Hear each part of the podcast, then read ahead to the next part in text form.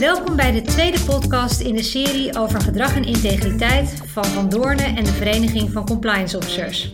Vandaag ontvang ik samen met Anton Pieter van Lochtenstein Julian Topal. En we gaan het hebben over het moreel beraad. Welkom Julien, wat ontzettend leuk dat je hier bent. En voordat we het over dit onderwerp gaan hebben, zou je jezelf heel kort kunnen introduceren. Ja, dankjewel. Uh, leuk om hier te zijn. Dus uh, ja, Julian Topal, ik werk voor Governance and Integrity en ik ben de directeur van de Belgische afdeling van Governance and Integrity. Ik woon ook in, in België, maar u hoort, ik ben in Nederland geboren en getogen. Um, ja, aan het werk bij governance en integrity op het gebied van integriteit. Het installeren van integriteitssystemen binnen organisaties. Dat is uh, wat, wat wij doen. En daarnaast werk ik ook regelmatig in de, in de politieke context op het gebied van integriteit. Nou, dank dat je dan helemaal uh, hier naartoe bent gekomen om over een onderwerp te spreken waar wij het in onze vorige podcastserie al even kort over hebben gehad. het moreel beraad en de toepassing daarvan. Wat zou je ons daarover over kunnen vertellen en vooral ook aan het eind willen meegeven? Ja, over, over morele beraden kan ik uh, veel vertellen. Het is, uh, is wat ik graag doe met, met, met, met veel liefde, maar misschien heel in het kort. ja, wat, wat is een moreel beraad? Eigenlijk heel simpel. Um, het is een, een, groep mensen, een, een team, uh, zo je wil, dat samenkomt om een uh, bepaald lastig moreel vraagstuk onder de loep te nemen. Op basis van, van, een, uh, van een, een, methodiek. Om te borgen dat de uitkomsten van het beraad van het gezamenlijk onderzoek. leidt tot een zorgvuldig en ook eenduidig besluit over wat het juist is in te doen, is om te doen in die situatie. Dus dat is in het, in het kort wat het moreel uh, beraad is. Dat is voor je kort al best een mond vol. Ik denk dat we zo wel even gaan praten over met name zorgvuldig en eenduidig. Hè? Want dat triggert mij wel uh, enorm. Hoe kom je dan tot een eenduidig besluit? Zeker als er ook allerlei emoties en, en dergelijke in een, in een vraagstuk spelen. Um, wellicht is het goed om eventjes heel kort de verschillende stappen te benoemen die in een moreel beraad uh, plaatsvinden. En dat dan daarna even aan de hand van een voorbeeld uh, te, te, bespreken. Wat zijn dus de, de, stappen in een moreel beraad zoals jullie dat gebruiken? Ja. Ja, als, als ik mag, ga ik één stapje voor uh, de stappen die wij gebruiken in het beraad. Want wij zouden zeggen, je hebt, je hebt twee elementen, uh, het zijn twee noodzakelijke elementen voor, voor een goed, voor een, een, zorgvuldig moreel beraad. Het ene element is een procedure, een bepaalde methodiek die je toepast om zorgvuldigheid uh, te borgen. Uh, van het beraad van het gezamenlijk onderzoek. Hè. Daar zeg ik al niet, het gezamenlijk onderzoek. Wat we niet willen in een moreel beraad is een discussie of een debat. Kijken wie er gelijk heeft. Maar we willen samen met open vizier kijken wat is hier nu het juiste om te doen. En bij het benoemen van dat woord, het juiste, daar zie je dus ook, je hebt dan nog weer iets nodig van ja, zo'n toetssteen op basis waarvan je kan zeggen dit is juist en dat niet.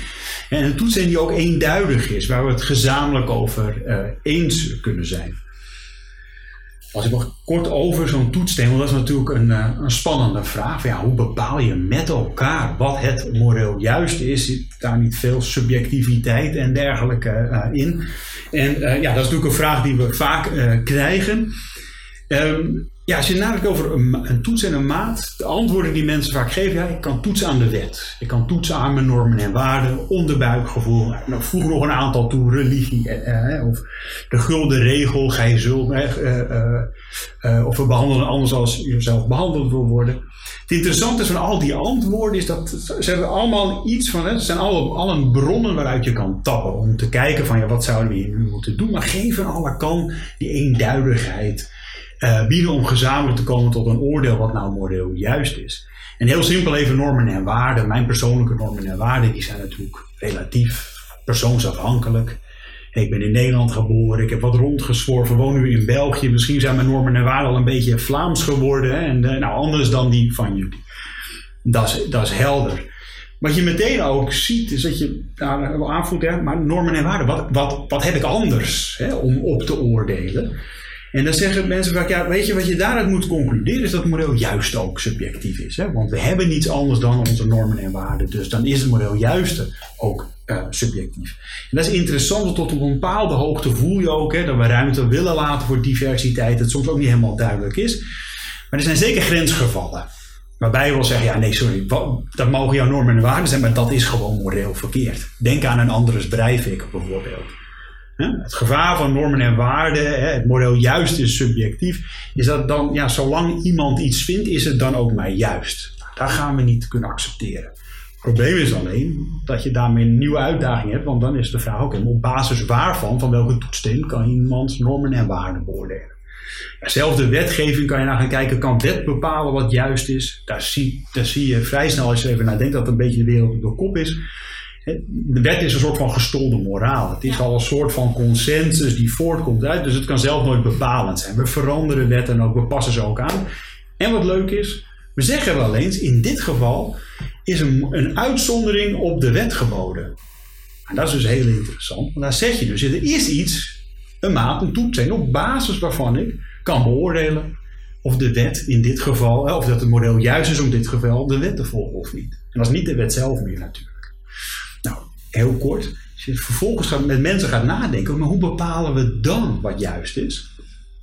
Dan kan je langs hele concrete voorbeelden van moreel verkeerde en moreel juiste handelingen tot een maat komen. En die maat die klinkt dan als volgt.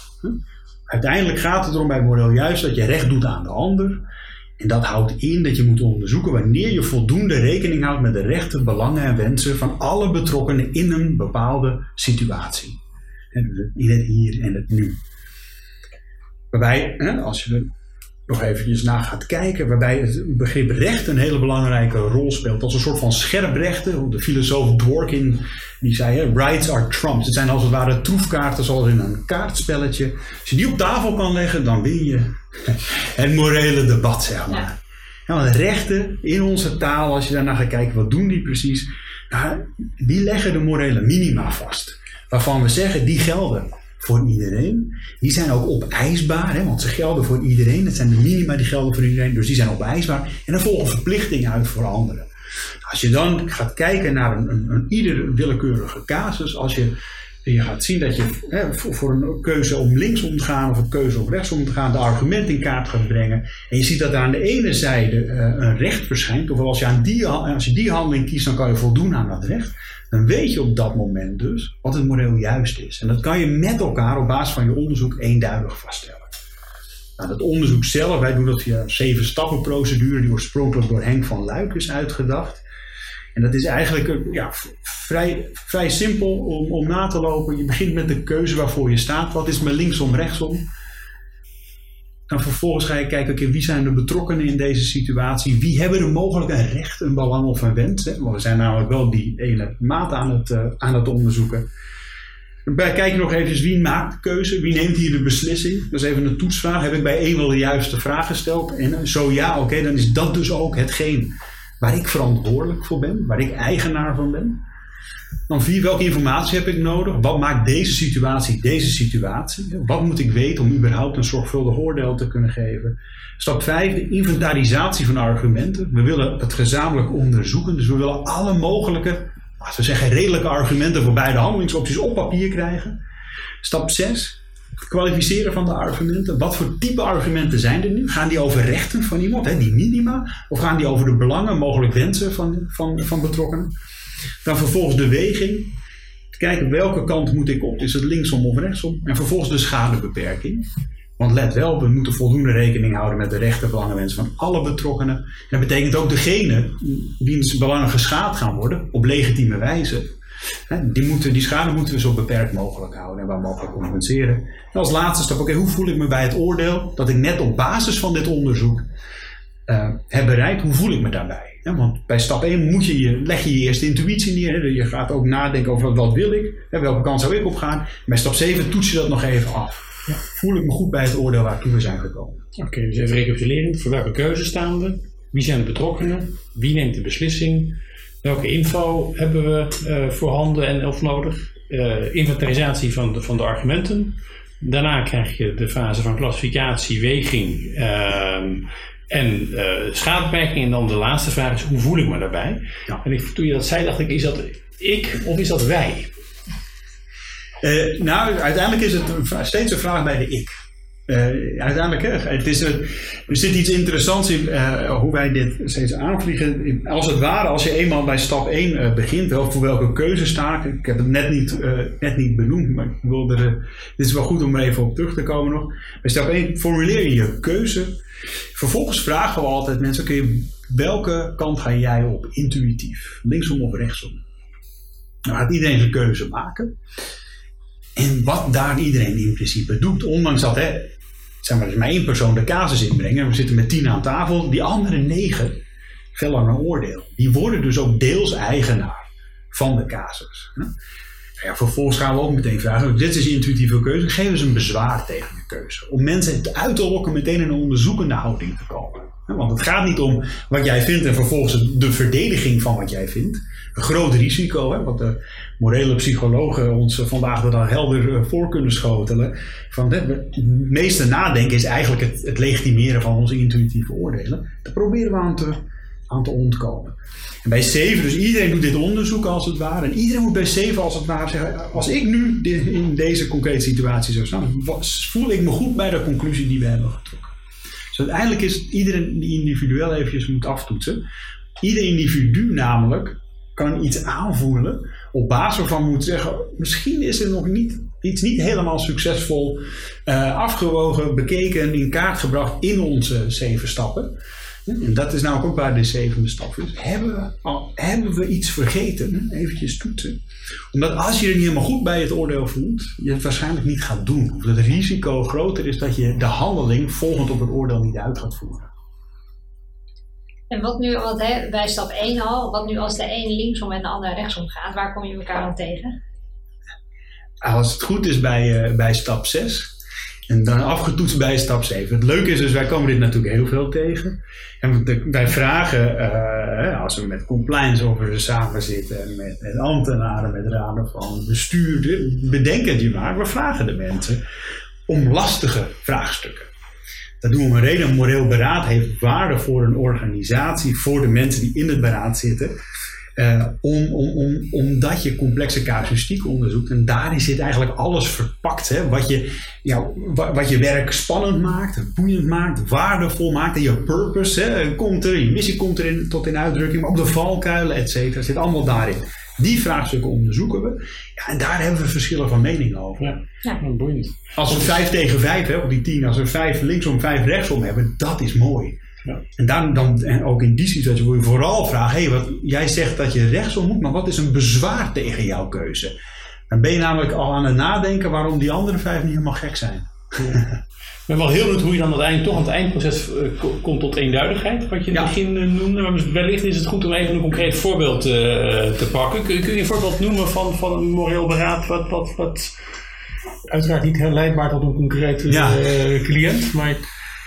Ja, ik, had, ik zat erover na te denken thuis. En de, dat, is altijd, dat is altijd lastig. We moesten toch, toch een beetje een, een beknopt voorbeeldje hebben. Waar niet al te veel toeters en bellen aan zitten. Maar wel, waar het wel een beetje in, in terug, uh, terug gaat zien hoe dit, dit werkt. Het was ook een, een voorbeeld waarin overduidelijk de verschillende compliance officers verschillende kanten op gingen. Of de, de ene wilde linksom, de andere rechtsom.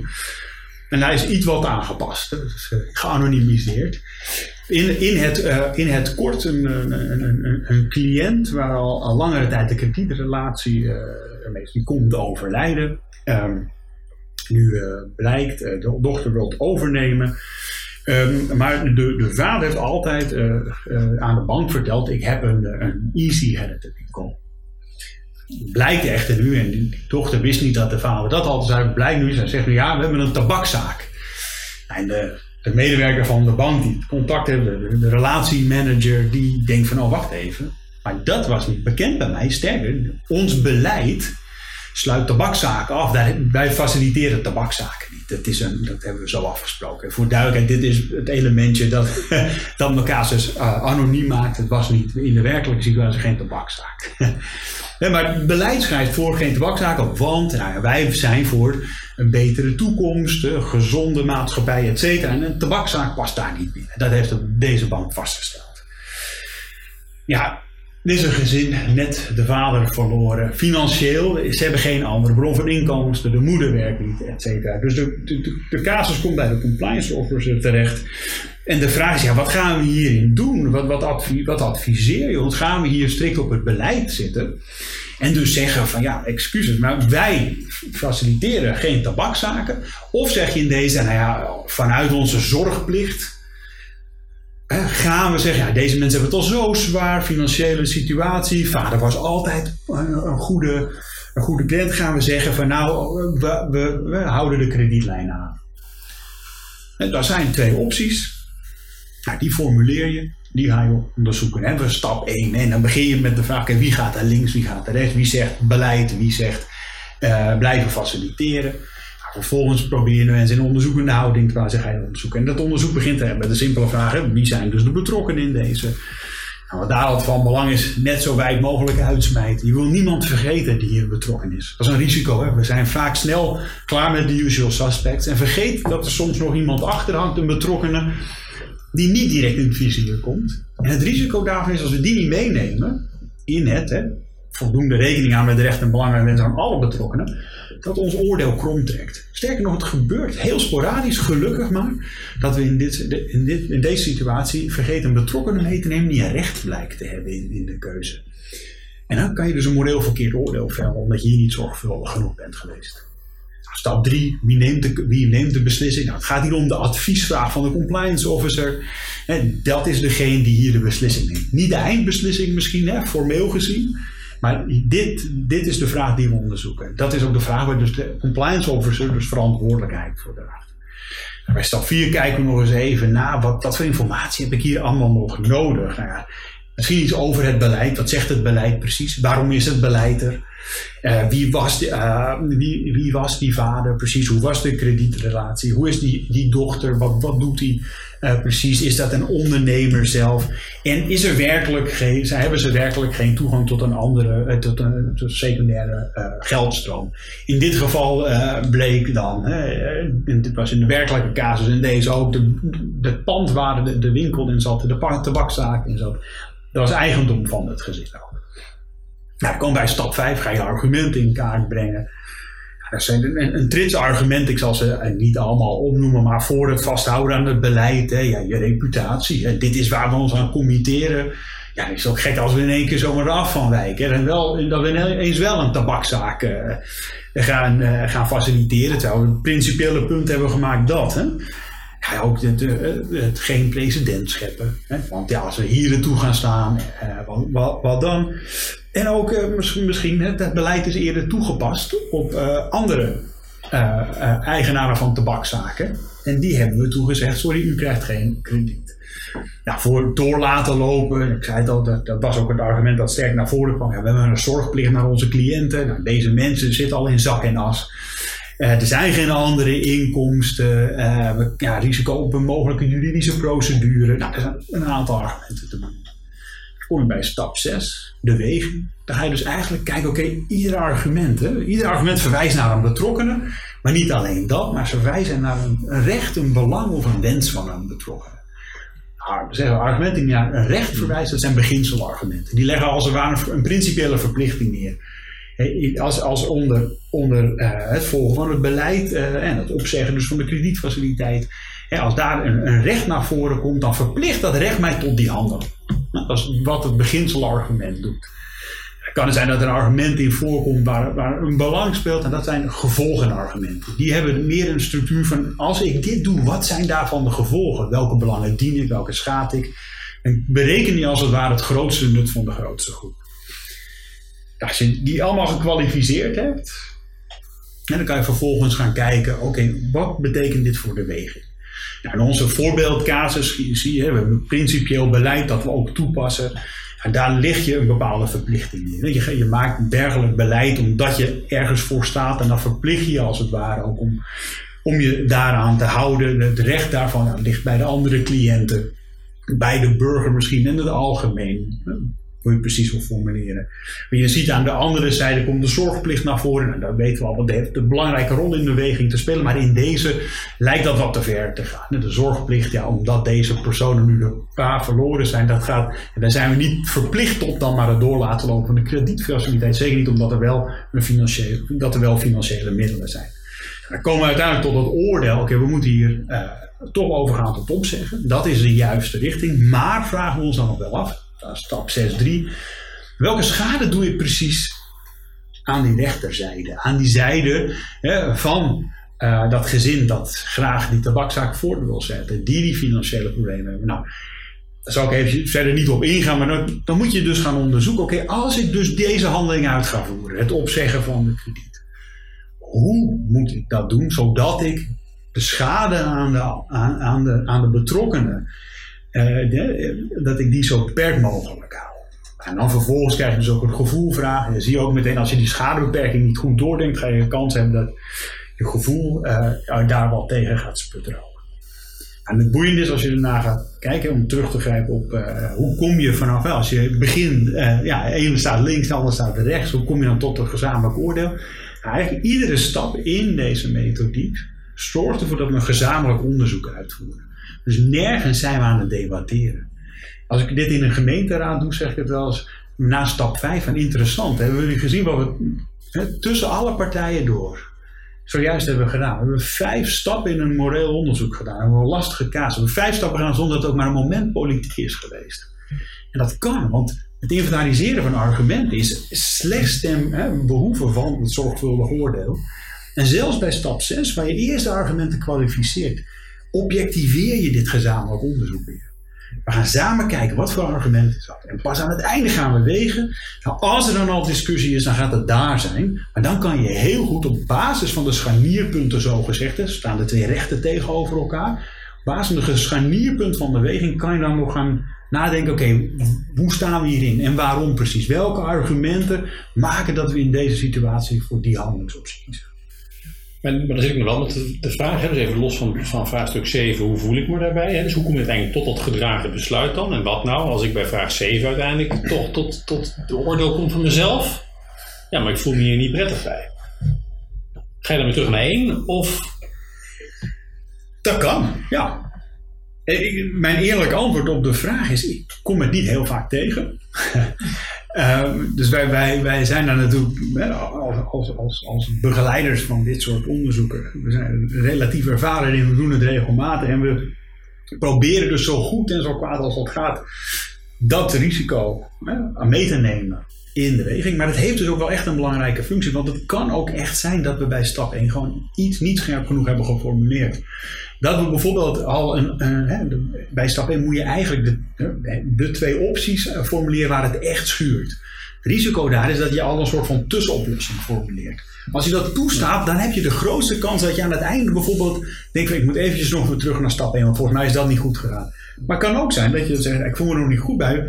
En dan zeg je vervolgens nog iets waarbij ik dan denk van ja, maar dat was eigenlijk bij stap 4 hele belangrijke informatie geweest. En die hebben wij, dat klopt, niet meegenomen. Laten we die bij stap 4 toevoegen en nog eens naar onze argumenten teruggaan. Dat kan, ja.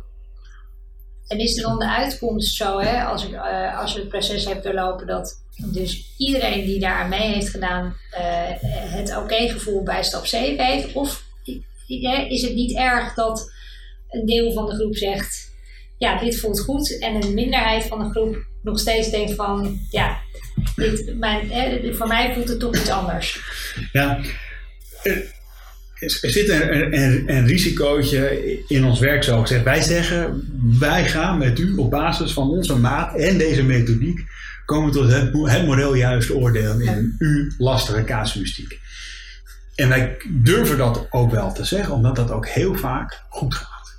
In de zin van dat we ook tot een gedeeld oordeel komen waar iedereen zich ook goed bij voelt. Het is alleen niet altijd zo. En dat zit hem in verschillende factoren. En de essentie daarvan is, het blijft mensenwerk. Wat wij bieden is een instrumentarium waarmee we het gezamenlijk onderzoek objectiveren. ons morele oordeel moet ik eigenlijk zeggen objectiveren. Door het een onderzoeksvraagstuk te maken. Door een kritische gedeelde toetssteen toe te passen. Soms zie je dat we een kaas hebben waar we eigenlijk, als we, als we kijken, ja, we, we missen nog bepaalde informatie bijvoorbeeld. Daardoor komen we niet helemaal uit. Uh, soms kan het zijn, en wij werken bijvoorbeeld ook met de jeugdbescherming samen, hè, waar, waar je met een vraag, vraag over uithuisplaatsing van doen hebt. En dan ben je natuurlijk deels afhankelijk van hoe schatten deze professionals uiteindelijk bijvoorbeeld de risico's in uh, voor een kind.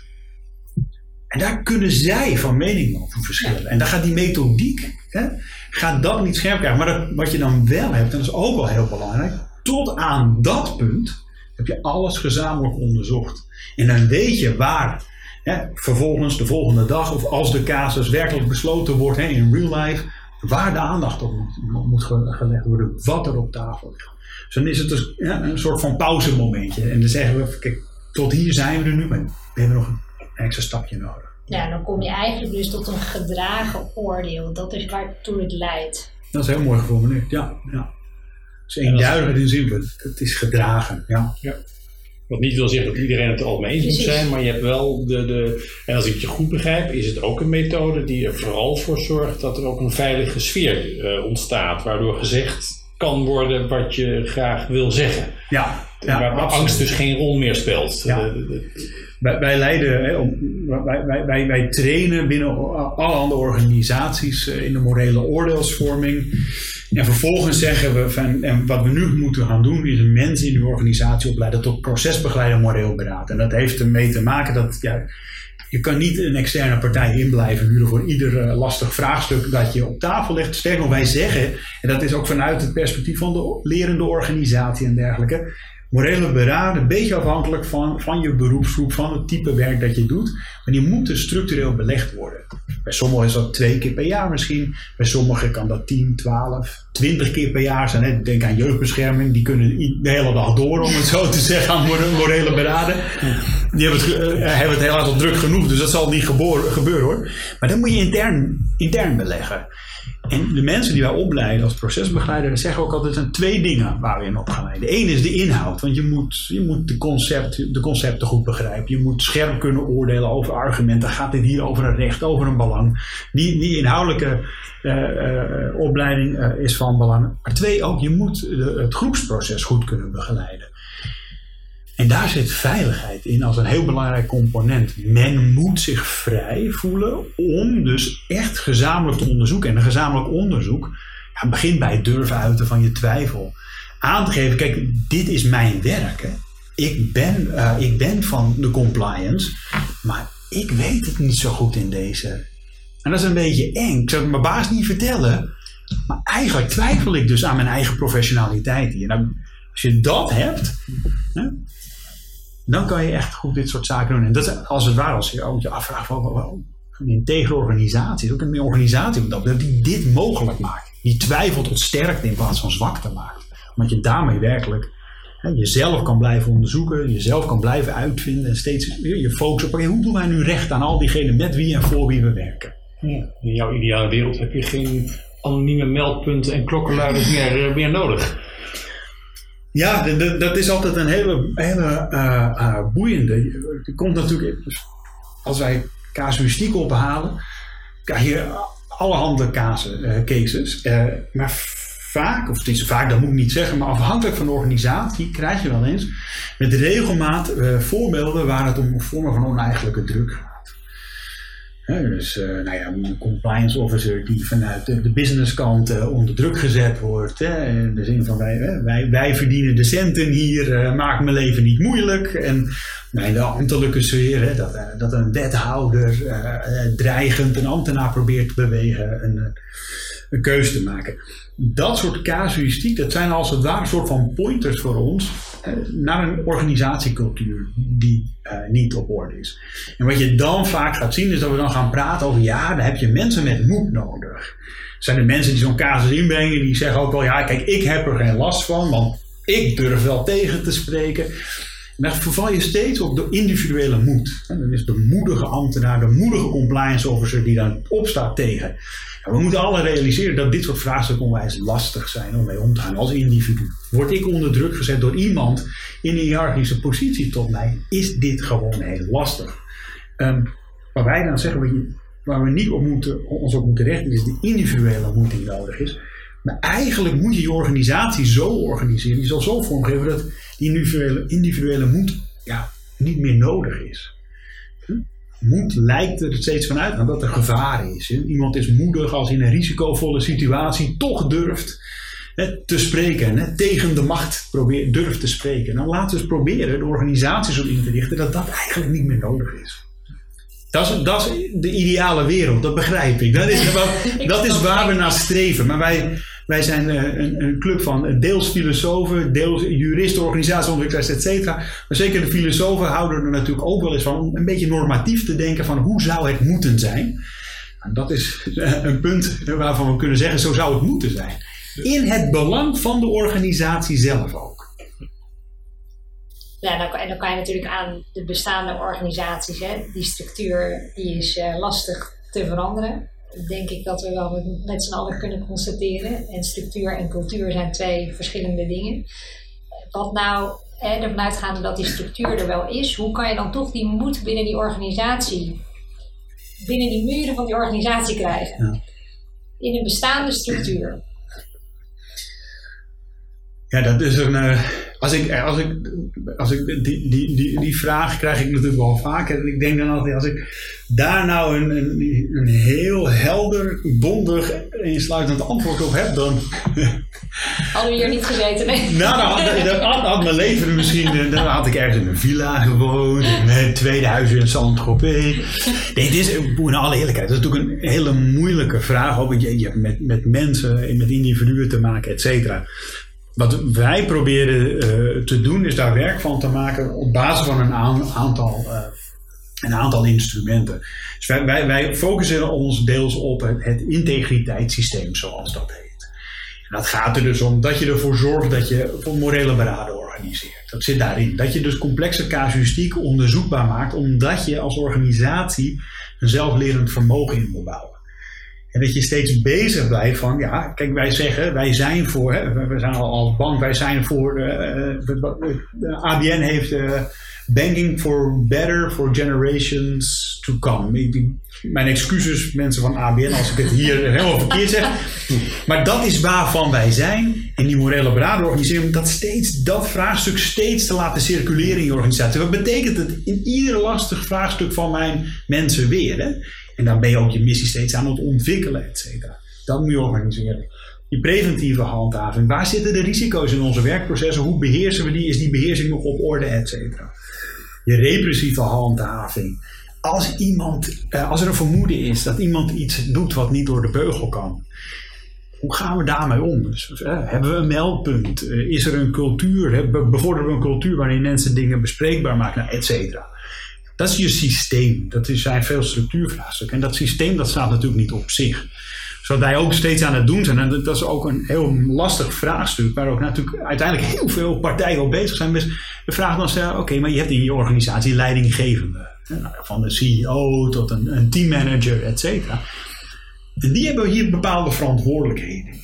Oké, wat vraagt het dan van een teammanager? Dan ga je dus naar die cultuur uh, al toe, om het zo te zeggen. Mhm. Wat moeten we, mogen we verwachten van, van een teammanager om deze zaken goed te laten uh, draaien? Wat voor rol heeft hij bijvoorbeeld in, uh, in, de, in de handhaving, als er een vermoeden is? Uh, bij morele beraden. Wat, wat vraagt eigenlijk de, de mogelijkheid van het houden van morele beraden van een, een, een teammanager? Maar er komen ook vragen bij, hoe motiveer je de mensen? Waar vandaan ga je hè, je vraagstukken aanpakken? En daar zie je het verhaal van, van missie, kernwaarden, guiding principles. Dat is nu waar we, hè, waar we niet alleen wij, maar waar we zeker ook eh, in de financiële wereld, in de, in de wereld van het bedrijfsleven, veel meer over aan het nadenken zijn met elkaar. Met purpose. Ja. Purpose, ja. ja. Maar als, als ik, ik weet niet of zijn naam goed uitspreekt, maar ik vond dat een hele mooie uitspraak van Alan, Alan Jopi, volgens mij, van, uh, van Unilever. Die zei zoiets van, um, ik parafraseer. Kijk, purpose, yeah, everyone today has a purpose. The question is how to get it into your organization. Nou, dat is dat het vraagstuk, dat is waar wij mee bezig zijn. Daar waar wij proberen antwoorden op te formuleren. En waar wij zouden zeggen, dat is dat morele beraad, is daar een enorm belangrijk instrument. Omdat je daarmee, via een moreel beraad, als je dat werkelijk inorganiseert, je mensen onderdeel maakt van die purpose. Jullie zijn daarvan, iedere dag weer. En sterker, we willen niet alleen dat jullie het toepassen, maar we willen ook van jullie horen hoe die purpose uitwerkt in de praktijk en waar die mogelijkerwijs ook enige tweaks en aanpassingen nodig heeft. Even richting de afronding. Hè? Dus, dus de, de, de, de, de ethics of compliance officer die het luistert, die zegt, hey, god, daar zou ik wel wat mee willen met dat moreel beraad. Hè? Dus, dus ook, ook gericht, gericht op, de, op de purpose van de organisatie. Wat, wat zou voor hem een, haar een logische eerste stap kunnen zijn? Wat zou je uh, die persoon aanbevelen? Waar kan hij meer vinden over de, de moreel beraad? Of, of ja, nou ja, ik kan mijn telefoonnummer achterlaten. ja, ja, hier en ik mogen mij altijd, uh, altijd bellen of uh, collega's uh, van mij. Ja, um, het, het, interessante van een moreel beraad is, als je er zeg naar kijkt, lijkt dat in Nederland lijken we daar vrij sterk in te zijn. In, in de ontwikkeling daarvan en de toepassing. Sterker dan in, de, in veel andere landen. Waar de ethiek verhalen toch vaak nog een beetje in de richting van de gedragscodes gaan. Een beetje wat mag en wat niet mag. Terwijl we hier met een moreel beraad het hebben over de professionele keuzes. De lastige keuzes die we als professionals maken. Nou, er zijn verschillende eh, organisaties die hierop werken, wij, ook. Ja, ik zou zeggen, uh, schroom niet, inventariseer wie er is en, en contacteer een, persoon um, of, een, partij. Als je denk van dit is iets wat wij, waar wij eh, mee aan de slag uh, willen. Ja, begin bij het begin. Kijk eens, wat is het precies? Ik heb zojuist heel kort uit de doeken gedaan hè, hoe dat zit met zo'n maat voor het juiste, hoe uh, zo'n zo onderzoeksproces verloopt aan de hand van zeven stappen. Maar ervaar het zelf eens. Hè, creëer een kleine pilotprojectje.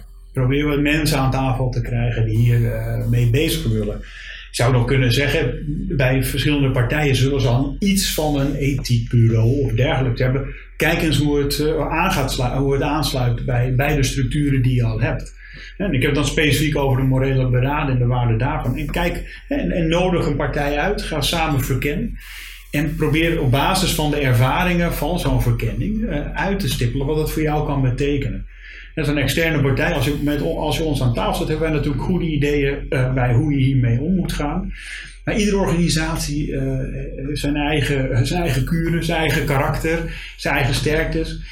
En dat, daar moet uiteindelijk ook een gesprek gevoerd worden. Hoe, hoe gaan we dit gezamenlijk, mochten we dit commitment hebben, hoe gaan we dat gezamenlijk zorgvuldig vormgeven? Misschien nog één, één laatste vraag. Want hè, ik hoor je ook zeggen, dit is goed om dit in je organisatie eh, in te bedden, noem ik het maar. Bij, op wat voor een plek zou dat nou goed belegd kunnen worden?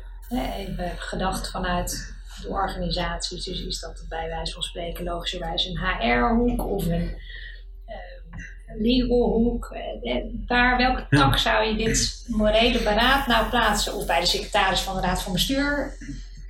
Ja, het, uh, het, idee van het, het, het, het, het modelleerproces waar deze beraden uh, binnenvallen en eigenlijk het werk aan integriteit in algemeen is ons advies altijd dat je dat zo hoog mogelijk moet beleggen.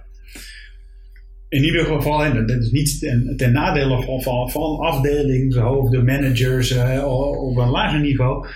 Maar op het moment dat uh, de mensen die dit uit gaan voeren, die zelf in principe nooit hè, uh, helemaal boven in de boom zitten, op het moment dat die ergens, nou, niet onder de CEO, niet onder de eerste lijn directeur, niet onder de afdelingsmanager, niet onder de teammanager, maar ergens hè, op, op, op de, de, vijfde, de vijfde etage pas zitten, dat je allemaal dynamieken gaat krijgen die je niet wil hebben. Dus hang het, het grote proces en verantwoordelijkheid daarvoor zo hoog mogelijk in de boom bij de CEO misschien.